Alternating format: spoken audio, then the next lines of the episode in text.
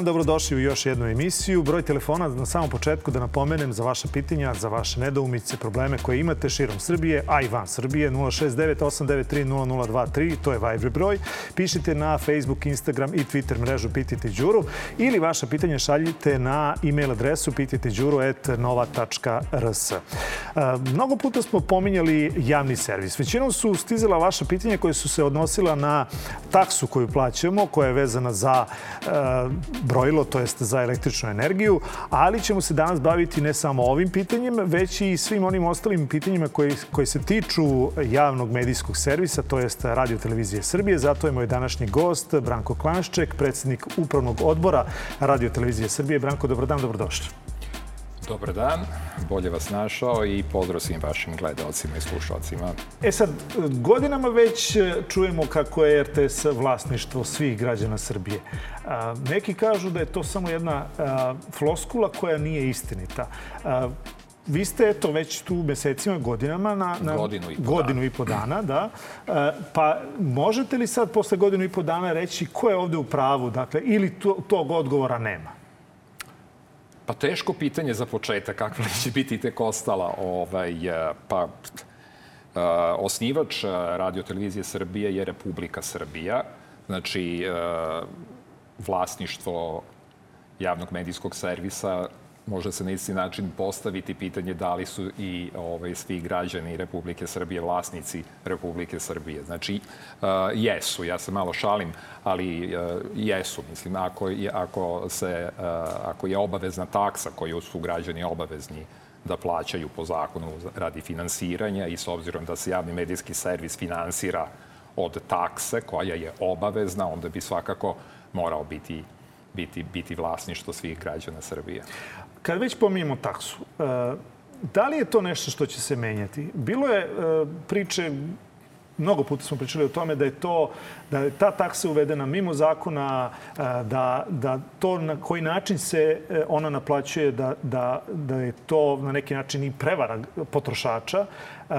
Kakav je stav upravnog odbora RTS-a? To jest, šta o tome misle ljudi koji odlučuju o, o taksi koja se naplaćuje za javni medijski servis? Pa ja ću vam reći što ja kao predsednik upravnog odbora mislim o tome. Mislim da apsolutno nije prevara, jer mislim ako krenemo od toga da e, taksa, da ja koliko znam, koliko sam upoznat, postoji u svi javni servisi se finansiraju od, od takse, od ako krenemo od komšiluka, od Slovenije, od Hrvatske, znači svuda postoji ta taksa koja je obavezna i, i, i na taj način se finansira javni medijski servis i ne znam na koji drugi način bi mogao da se finansira javni medijski servis, obzirom da javni medijski servis mora da proizvodi i one stvari koje nisu komercijalne, koje su i kultura i tradicija i da neguje i tradiciju i kulturu i, i sve ono što, što uh, nije komercijalno, snimanje pozorišnih predstava, ako hoćete, i, i, i drugih stvari. I upravo zbog toga što, e, po mom mišljenju, ovaj, e, javni medijski servis ne treba da e, ta, taj, ta, ta gledanost ne treba da mu bude prioritet prosto, nego kvalitet programa. Znate, recimo u Hrvatskoj HRT nije najgledanija televizija. Znate. I ne treba da bude. Hoću reći da ne trebamo po svaku cenu i zbog toga se i finansira javni medijski servis od takse i zato odnosno svi građani ga finansiraju, da ne bi gledali samo komercijalne programe. Ali da li je upitan način naplate?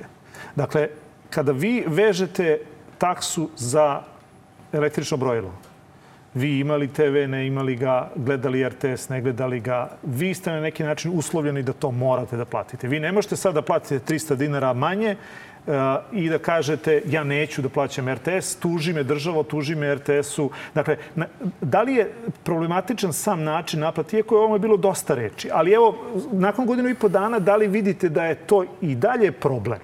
A i to ovako, da krenemo sa, sa te uh, zakonodavne, znači šta je propisao zakonodavac, odnosno u zakonu o javnim medijskim servisima uh, uh, se definiše samo uh, da je taksa da se javni medijski servis finansira od takse građana koja je obavezna. Ali on ne predviđa u samom zakonu o javnim medijskim servisima kako će se ta taksa naplaćivati.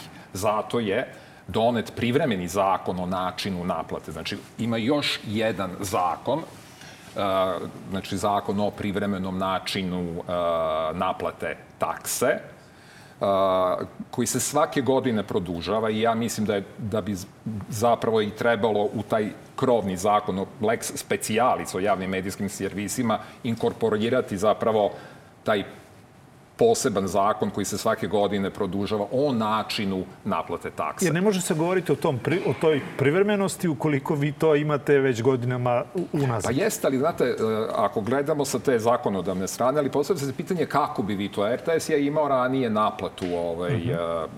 Kako to rade u komšiluku? I to, znate, i to, nije, i to nije funkcionisalo. A kako to rade u komšiluku? Zaista Pomenuli ste malo da pre komšiluk. Ovaj, uh, ne znam zaista ne znam, ali u svakom slučaju RTS je imao taj način naplate, znači ispostavljao je fakture i tu je recimo naplativost bila, ne znam, ispod 50%. Znači, prosto ljudi nisu plaćali i onda su se tu vodili, odugovlačili sports, ovaj, sporovi. sudski sporovi i tako dalje i tako dalje. Došli ste u jednu situaciju da zastare, da zbog malog iznosa da sudovi su to i šta ja znam.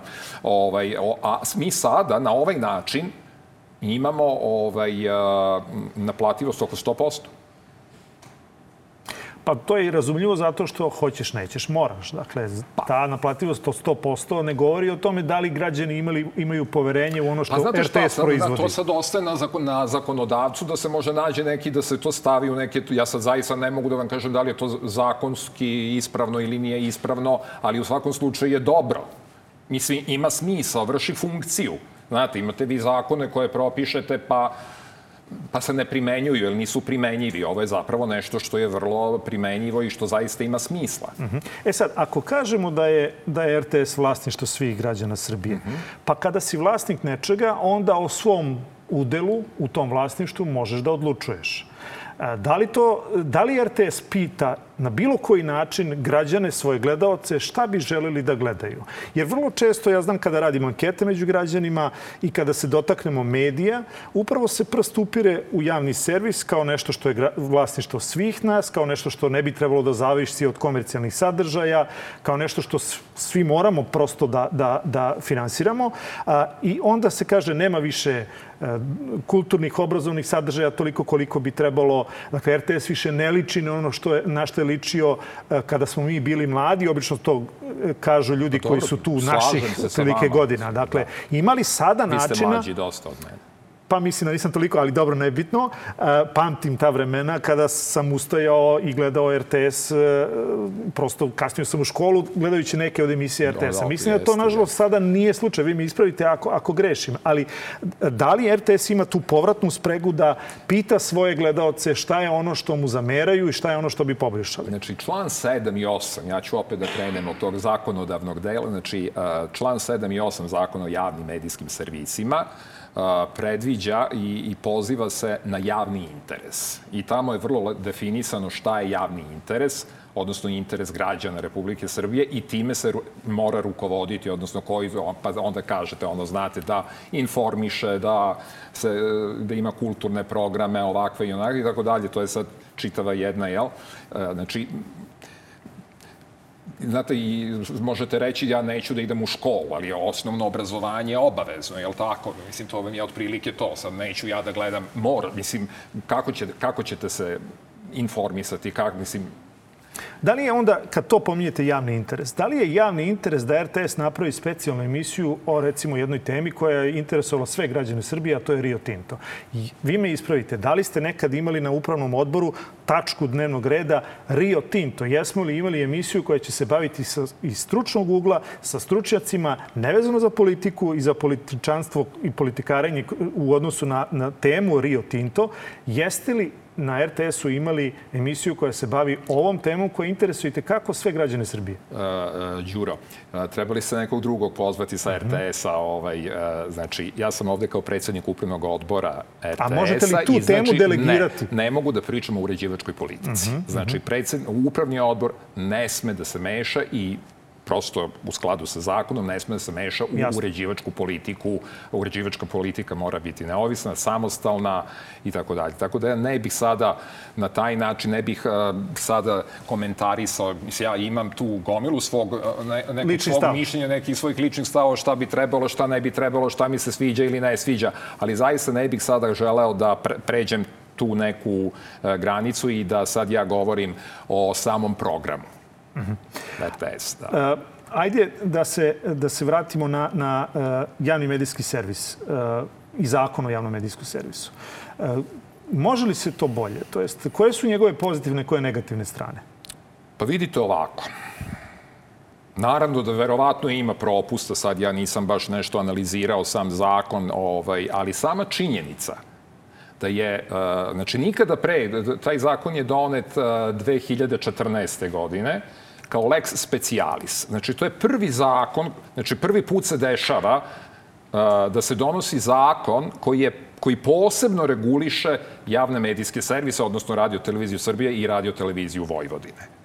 Znači, ranije to uh, se regulisalo putem zakona o radiodifuziji, o elektronskim medijima, javnom informisanju i tako dalje. Međutim, javni medij, ovo je pr, i sama ta činjenica da je donet zakon o javnim medijskim servisima kao lex specialis je nešto zaista pozitivno. Sada, da li taj zakon ima negativnih uh, propusta i tako dalje, verovatno da ima, ima, kao i svaki zakon, mislim, ne možemo govoriti. Evo, recimo, ovo malo pre što sam rekao, o, da bi trebalo u sam zakon, ovaj, da nemamo i ovaj poseban zakon o načinu naplate, trebalo bi inkorporirati u taj sam zakon da kako se naplaćuje ta taksa, trebalo bi da, da nemamo poseban zakon, nego ga inkorporirati u sam taj zakon. To je recimo ono što bih ja izdvojio kao, kao neku manjkavost tog, tog, tog, tog zakona.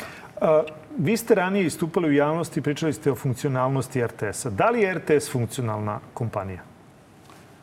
Pa sad ne znam šta mislite kada kažete funkcionalna. Da li je... Broj zaposlenih, ono što proizvode. Dakle, ajde da, da banalizujemo stvar. Dakle, da... Džep, to je, pa, vidite, kao i svi veliki sistemi, znate, ti neki, uh, on je trom, jedan veliki sistem uh, s puno zaposlenih, s puno uh, internih akata, internih propisa, internih dokumenata,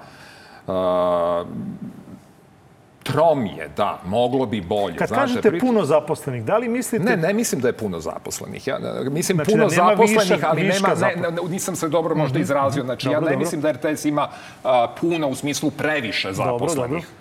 Jer ako analizirate pa pogledate recimo koliko ima HRT ili radio televizija Vojvo, ovaj, Slovenije, vidjet ćete da su to vrlo slične uh, cifre, recimo, ili Crne Gore, ili šta ja znam. Znači, vrlo, vrlo slične cifre, nego je pitanje uh, funkcionalnosti, uh, odnosno sistematizacije tih ljudi, da li tu, da li svako radi svoj posao. Mislim, to je ono, recimo, manjkavost RTS-a je upravo u tome što zapošljava jako puno starih ljudi. Znači, znate, prosečna, prosečna zaposlenost uh, u RTS-u je 51 godina. Kad znate. kažete zapošljiva e, puno starih ljudi, to znači da su ti ljudi već bili zaposleni pa su ostarili u RTS-u? Da, da. Ili to da. znači da novo zaposleni su ne, ljudi? Ne, ne, ne, to, ne, ne. A šta je sa novo zaposlenima? Koliko tu pa, mislim, RTS prihvata novih ljudi, novih pa ne novinara? Zapošljava. Ne zapošljava. RTS ne zapošljava i ja to vidim kao jedan problem uh, koji se već oseti, a koji će se tek osjećati, jer mi imamo prosto neku, neki prirod, prirodni odliv. Sva, mislim, onda ljudi odu u penziju svake godine po 20, 30, 40 ljudi ode u penziju. Ne dolaze novi ljudi. Mi, trenutno, u RTS-u ljudi do 30 godina je 22 zaposlenih. U čitavom RTS-u? U čitav do 30, a do, a, a, a do 40 godina Između 30 i 40 godina je oko 200 zaposlenih. A koliko ima ukupno zaposlenih u RTS? Dve i po hiljade. Dve i po hiljade, 2500. I... A koji je optimum za ono za šta nama treba u Srbiji? Ne mogu vam ja na to odgovoriti, to, to je bilo. Ali recimo, samo ću vam još ovaj podatak koji je, mislim, da bi bio zanimljiv. Ljudi zaposlenih između 50. i 60. godine starosti je 1100 Pro, to, to, je, to su stari ljudi, znate, danas se i tehnika i tehnologija i Čekajte, razvija. hoćete da mi kažete kada neko od tih ljudi ode u penziju, na njegove mesto ne dolazi niko? Pa ne dolazi ili se to vrlo sporadično, pa vrlo redko dešava. Pa proizvodi program? Da li to znači da program proizvodi spoljna produkcija? Pa da, RTS ima strašno puno spoljne produkcije. Kad kažete strašno puno, imate strašno. li tu neki procenat? Pa ja ću u odnosu reći, na broj emisija. Pazite sada, mislim, a, ako gledate, osim informativnog programa, Dobro. ako zanemarimo, ako stavimo po strani informativni program, RTS ima, proizvodi kviz Slagalicu i, i, i Šarenicu i RTS ordinaciju. To su tri emisije koje proizvodi RTS. U čitavom RTS-u to je proizvodnja pa, Možda ima još RTS. nešto ovako sporadično, ali sad... Znate... A koliko otpada na informativu? Ajde da, da pokušamo to da onda razjasnimo šta u, radi... U procentima, mislite koliko da, je da. zastupljeno oko 40%? Ovaj, znači 60% RTS-a pravi tri emisije. Mm, da. da. A čekajte, koliko emisija ima spoljne produkcije? Pa, mislim, pazite, svi ovi kvizovi, Potera, uh, Stigni me ako znaš, uh, Ja volim Srbiju, uh, pa ove kuće što prave po Srbiji. Te, A čekajte, Potera se snima u RTS-u. Je li tako? Potera... To je vaša produkcija? To je... Ne, nije. To je spoljna produkcija. To je spoljna produkcija i to je ono što ja zameram i što je moje pitanje i što sam ja se dotakao i postavio kao pitanje zašto RTS to ne realizuje. Vi imate recimo Stigni me ako znaš ovde kod vas, evo ovde u studiju 8 na, u Košutnjaku se snima Stigni me ako znaš. To je RTS? Pa nije, nažalost, RTS angažuje, RTS jeste producent, ali angažuje izvršnog producenta, Filming Production, da za njega odradi program u njegovom studiju sa njegovim kamerama, sa njegovom opremom. A... I to je potpuno jedna besmislica. To je potpuno, kako bih vam rekao, to je onako uvredljivo. Uvredljivo za te radnike mm -hmm. koji znaju da rade. Mislim, nemojte, mislim, RTS ima i, i tehniku, i tehnologiju, i kamere, i ljude koji znaju da rade. Pa, mislim, i onda mi ovaj, dovedemo uh, neki filming production, onda odete na APR, ukucate filming production i vidite da taj filming production ima jednog zaposlenog. Ajte, A on, i on, shvatam. Da li, da li sam dobro shvatio? Dakle, vi e, e, imamo spoljnu produkciju na RTS-u, a u toj spoljnoj produkciji 90% e, e, onih stvari koji proizvode određenu emisiju su sa RTS-a. Čak su je. i ljudi sa RTS-a. Pa tako je. Šta to znači? Da on, da on se on upiše... Voditeljka stignem, ako znaš, je sa RTS-a. Žena je zaposlena na RTS-u. Je li to ona radi u okviru plate ili to radi u okviru spoljne produkcije? Pa u konkretnom slučaju, ono što sam ja video iz kalkulacije koju sam tražio i dobio, video sam da se tamo voditelj posebno plaća. Odnosno da ga plaća filming production. Znači ona dođe do 11, upiše se tamo, evo ja radila na RTS-u, a onda pa od 12 imam, da li je, imam ovaj, snimanje spoljne produkcije da li je to i za to dobijam još jednu platu. Mislim, da li je do 11 pa otišla ili došla da radi subotom ili nedeljom ili već kako, mislim, ali To je onako po meni, onako, i vrlo sam ponosan, znate šta, sada smo, ovaj, to moram sad, a, a, prosto ste me naveli na to da, da, da kažem, vidjet ćete i zašto. Znači, 29. decembra smo imali poslednju sednicu upravnog odbora i usvojili smo etički kodeks kojim se reguliše sukob interesa. Dobro, pa ovo je klasičan sukob interesa. I, I takve stvari, ja se nadam, više neće biti moguće. I jako sam ponosan na to, jer smo statutom bili obavezni da donesemo etički kodeks koji reguliše sukob interesa i statut koji je donet još 2015. godine nije nikada donet taj etički kodeks, mi smo ga sada doneli i jako sam ponosan na etički kodeks koji, smo, koji je upravni odbor jednoglasno usvojio sada na, na sednici 29. decembra. Ajde da definišemo taj sukob. Da li taj sukob e, će značiti sledeće? Da li će Jovan Memedović, evo sad sam njega uzeo prvog mi pada na pamet, ali da li će Jovan Memedović biti u sukobu interesa kada vodi Poteru gde je ukoliko ne grešim, i producent, je li tako? Ne znam, zaista. A, znači, ima svoj udeo u toj priči i voditelje i zaposlene na RTS-u. Da li on zaposlen na RTS-u? Jeste, jeste, jeste. Za, je to sukob interesa onda? Da li će jeste to znači... Mislim, u, mislim, sad, znate šta, morali bi uh, ispitati sve da li ga plaća, da li ga plaća uh, u svakom slučaju jeste, ako je plaćen za to. Da li to znači da će lice da RT... Da, ja sad, znate šta je sada tu pitanje, zašto ja, nije da izbegavam da vam odgovorim, nego je tu pitanje da li to Jovan Memedović radi za platu, Dobro. ili je plaćen za to. Ja to sad ne znam da vam kažem. Ali on će to, ako bude, mislim, barem po ovom etičkom kodeksu koji smo sada doneli, on će to morati da radi za platu. Da li će to značiti da on... Jer, znate, izvinite što vas prekidam, Dobro. postavlja se pitanje šta ljudi koji su zaposleni na RTS-u rade za platu? Jer svi su po nekim izvršnim produkcijama, koje opet Plaća finansira RTS. RTS. Pa znam, ja sam razgovarao sa nekim ljudima, kaže, ali ne, kaže, ne plaćamo mi njih, njih plaća taj neki production. Ove. Pa čar, kažem, da, ali mi tom productionu dajemo novac, mislim, pa je to sad kao neki protočni bojler. Mislim, ne može, ne ide. Da li će to onda značiti da to više neće biti moguće? Pa prema ovom etičkom kodeksu mi smo na elektronskoj sednici pre neki dan izabrali i etički odbor ovaj, od tri člana koji će sada doneti poslovnik o etičkom odboru i detaljno razraditi na koji način će se to utvrđivati, kako će i tako dalje. Predviđene su prosto neke norme, iako je zapoštovati statut i, i, i taj kodeks koji smo doneli, neće biti moguće, ne znam šta da vam kažem. E, da li je onda tačno, došao sam do jednog pitanja, sad ja ne tvrdim da je ovo što je pitanje e, koje sam ja dobio tačno, ali evo vas pitam imate li možda informaciju o tome. Dakle, e, da li je na osnovu i kog akta ugovora Ivanu Radovanoviću plaćen 234.000 dinara honorara za tekst o koncertu Rolling Stonesa u Beču, a i sa njim bio pre, direktor RTS-a Bujošević, sve o trošku RTS-a? Imate li podatak o tome? Pojma, nema. Možete li ovo istražiti, recimo? Možete li to postaviti kao pitanje na upravnom odboru? To je, da li, da, da li ja recimo, gospodin Bujošević može ići na koncert Rolling Stonesa uh, o trošku RTS-a? Da li je to pa, kršenje zakona? Pa naravno da ne. Mislim, šta je tu? Mislim, ovaj, uh, naravno da ne. Mislim, osim ako RTS tamo nešto ne snima, pa nema, ne, mislim... Pa evo, kolega piše tekst o tome za koji dobija, prema tvrdnji gledalca, 235.000 dinara.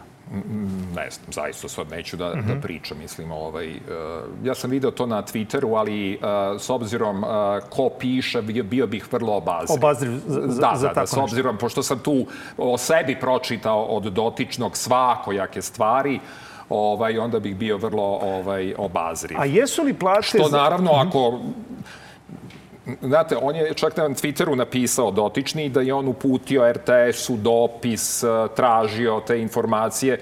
Ja sam tražio i pitao da li smo dobili taj dopis o tome i tome i svi su mi rekli ne, nismo dobili dopis, pitanje o tome. Tako da. Mhm. A jesu li plate e, radnika e, RTS-a nešto što je dostupno svima? Dakle, šta vas pitam? Da li mi kao građani koji smo vlasnici RTS-a možemo da znamo kolika je plata Dragana Bujoševića, recimo njega kao glavnog generalnog pa mislim, direktora. Pa mislim da da, s obzirom da mislim... A šta je sa variabilama?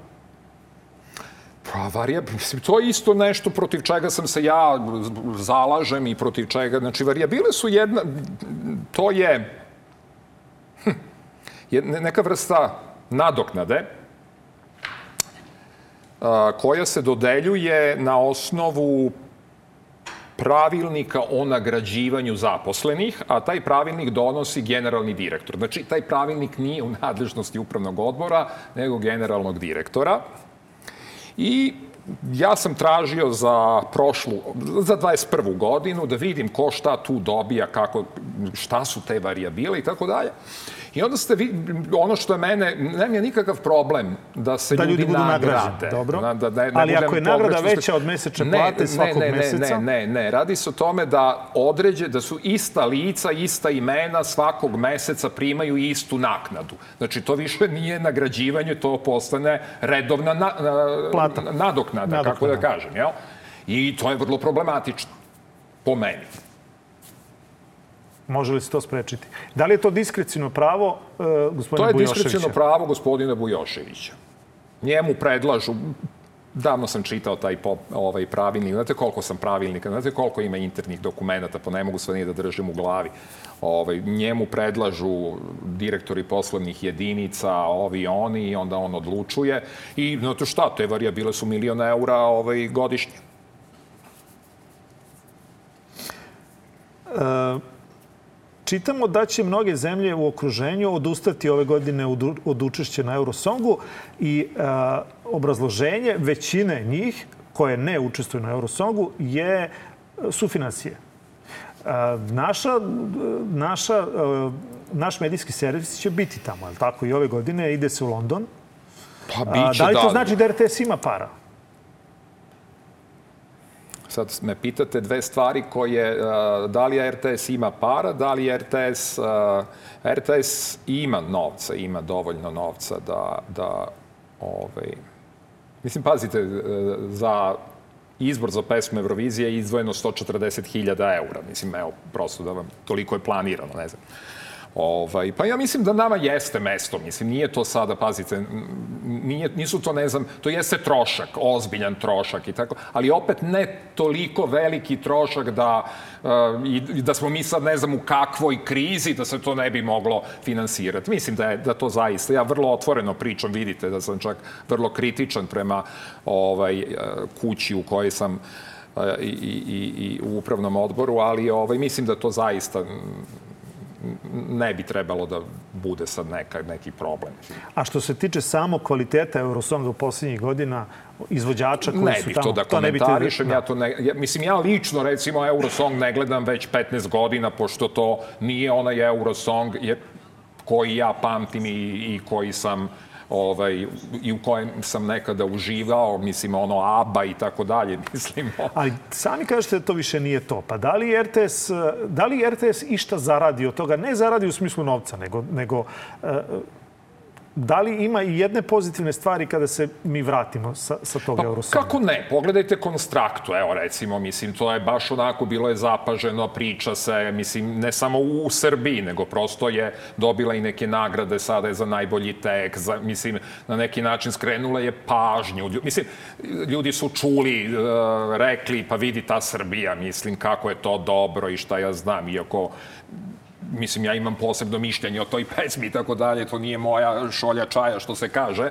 ali, ovaj, mislim, bili smo zapaženi, znate, bili smo koje četvrto mesto ili tako. Mislim, ne možete to da kažete, pa koga to briga, mislim, nemojte tako, mislim. Sad da vas ne pitam kako ćemo ove godine proći. to ne znam kako ćemo proći, ovaj... A, ono što svakako, iako ovaj podcast i ova emisija se ne bave klasičnim partijama i partijašenjem, ali, ali ono što se može čuti, a to je a, neravnomerna zastupljenost partija u programima RTS-a. Vi kažete da ne možete da se mešate u programsku politiku RTS-a, ali ipak ste predsednik upravnog odbora. Je, dakle, da li to pitanje jesam, pa možete da iznesete? Ne postoji poseban pravilnik, znate, o, i o izbornim kampanjama i tako dalje. Pa naravno, Mislim, Jer ako imate dnevnik, evo gledajte, ne, ne, ako imate, ako imate dnevnik, u, u, u dnevniku faktički vi nemate, uh, nemate skoro vesti, a da se u nekom kontekstu ne pominje predsednik države, a onda recimo imate, ja sam jednom broja 18 puta. Dakle, u dnevniku RTS-a 18 puta je Aleksandar Vučić pomenut. Dakle, u bilo kom smislu, da li je nekom izrazio saučešće ili je nekom nešto čestitao ili je bio negde ili tome slično. A onda imate opoziciju koja apsolutno ne postoji. Dakle, da li je to ogledalo kako RTS i javni servis pa, treba da obavešta da kažem, ja lično zaista nisam član uh, ni jedne stranke. Nisam ni ja, nego vas pitam ovaj, kao kolega. Ali mislim, zaista mi je logično da, da, da, da posvetite ovaj, paž, najveću pažnju, ako tako hoćete, predsedniku Republike, premijeru, ministrima, kogod da su, iz kojih god stranaka, pa i Aleksandru Vučiću kao predsedniku države i kao predsedniku najveće stranke.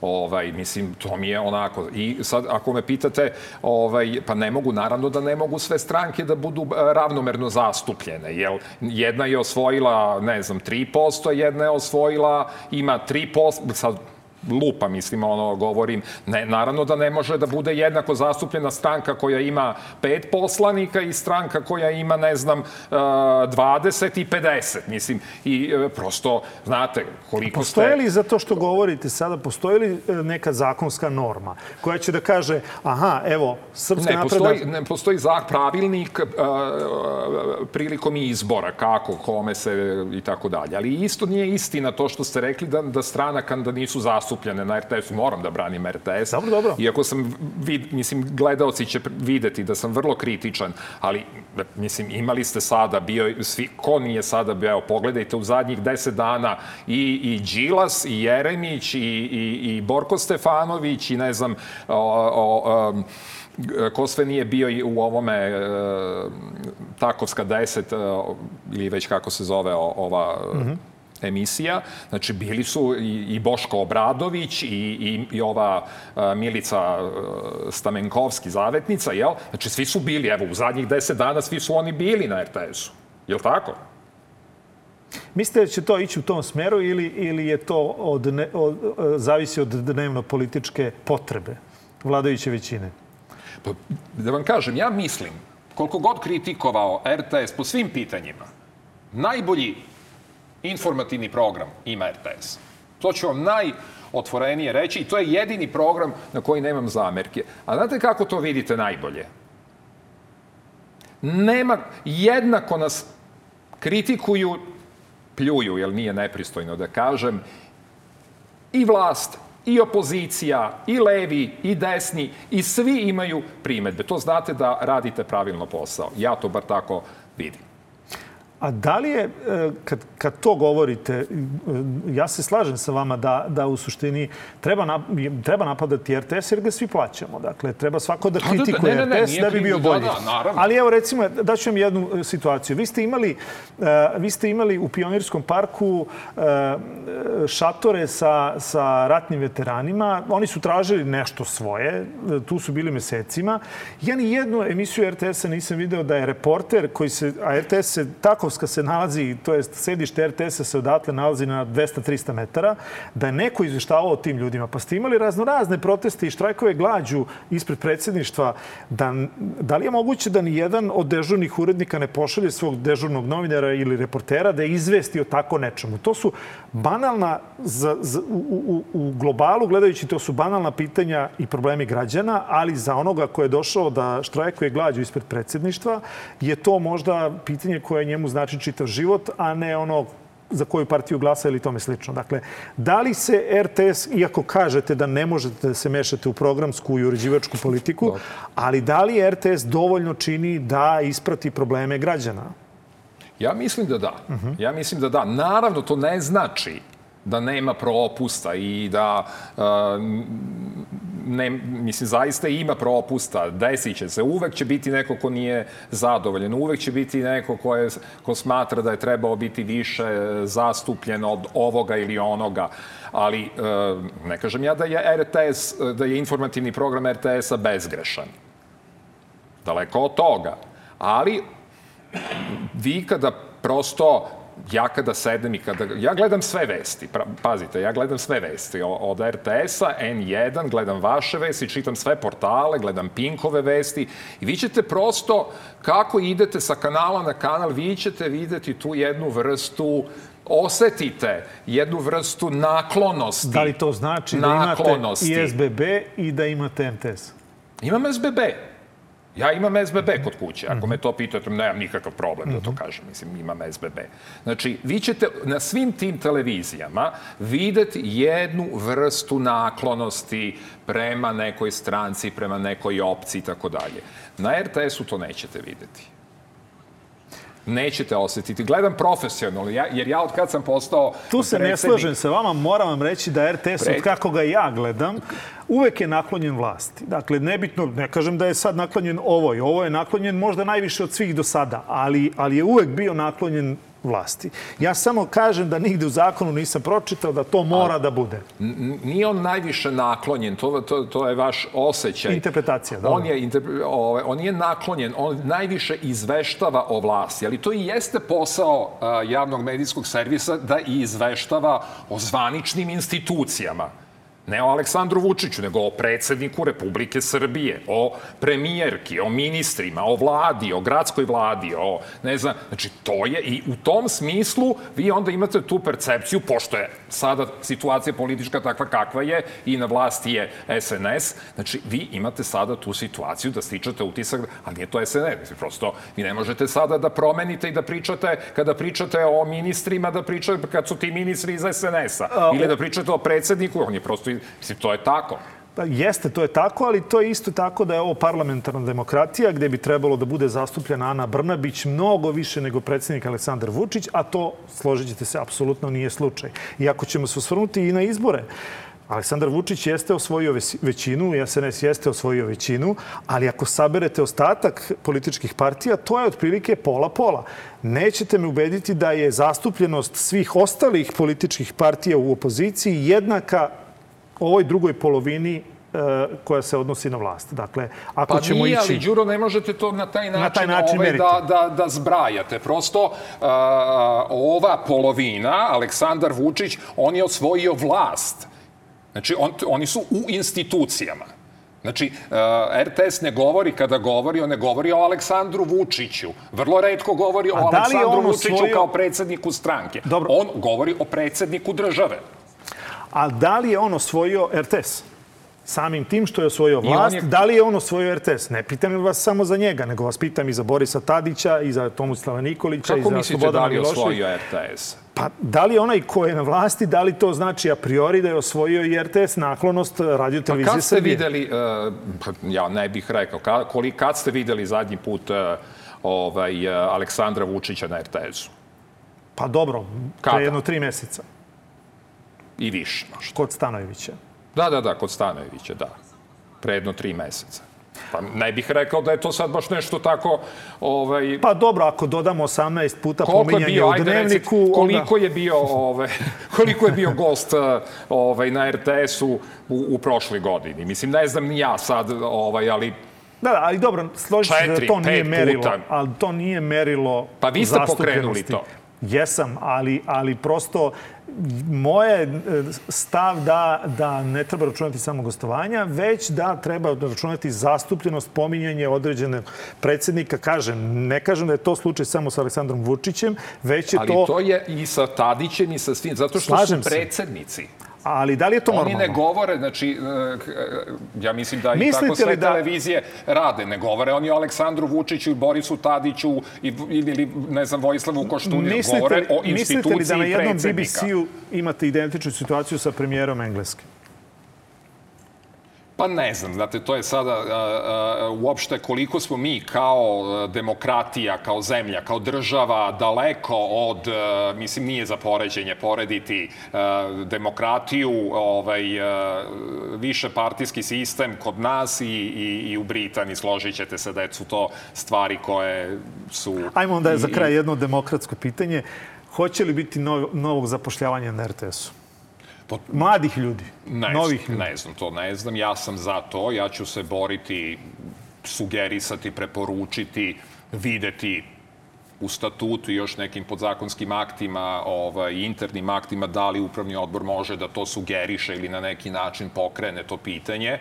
Ali moj lični stav, onako privatno, ja, sam, ja mislim da RTS mora da zapošljava mlade ljude. Što više. Mora, morao bi na neki način da se sad pričam malo na pamet ovako, za kraj da se poveže i sa, i sa FDU-om i sa... Uh, A imate li taj feedback, ajde sad sam tu reč upotrebio, ali povratnu informaciju o tome da li mladi žele da dolaze na RTS?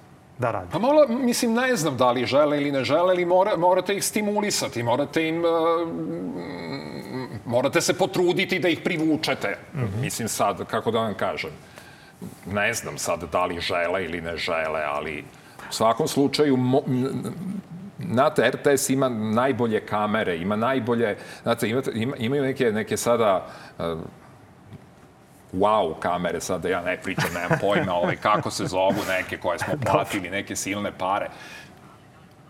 Ova generacija ne zna da radi sa njim ili jako mali broj ljudi na RTS uopšte zna da rukuje, da potpuno koristi u punom kapacitetu te kamere. A ko je kriv za to? Pa ne, niko, ne, ne možete, ma, mladi ljudi, trebaju vam mladi kamermani sa FDU-a koji to sad uče, znaju, koji se razvijaju, prosto, znate, mislim. Od, odoše, odoše svi ti mladi kamermani... Mi, pazite, na RTS-u, u... na RTS nema Twitter. Pa ko će da dođe na RTS ako vi kažete da, da je na pa... RTS-u 90% spoljne produkcije, pa radije će da radi na spoljnoj produkciji, da uzima ogromne pare i da mu RTS to se plaća. Nažalost, tu moram da se složim sa vama. Dobro. Lepo je da smo Evo se da se za kraj, za kraj. Hvala vam puno što ste izvojili vreme i što ste došli, jer zaista u ovo vreme kada smo toliko polarizovani i kada se delimo na one koji rade za prorežimski i one koji rade za opoziciju, ja mislim da to nije pravedna podela i da ta podela ne bi trebalo da postoji. Ja se zaista tako ne bih osjećao. Samo se moramo deliti na slobodne i one koji to nisu. I hvala vam još jedno što ste došli danas. Hvala vam što ste me pozvali. Moj današnji gost bio Branko Klanšček, predsjednik Upravnog odbora Radio Televizije Srbije. A broj telefona otvoreni za vaše pitanja. Šaljite, pitajte, neka pitanja budu što opširnije, sa što više informacije. Meni je lakše tako da dolazim do odgovora. 069 893 0023, to je broj, broj telefona, Viber broj, dakle možete slati s čitavog sveta vaša pitanja. E, to isto činite i na Facebook, Instagram i Twitter mrežu Pitajte Đuru ili vaše pitanje šaljite na e-mail adresu pitajteđuru.nova.rs.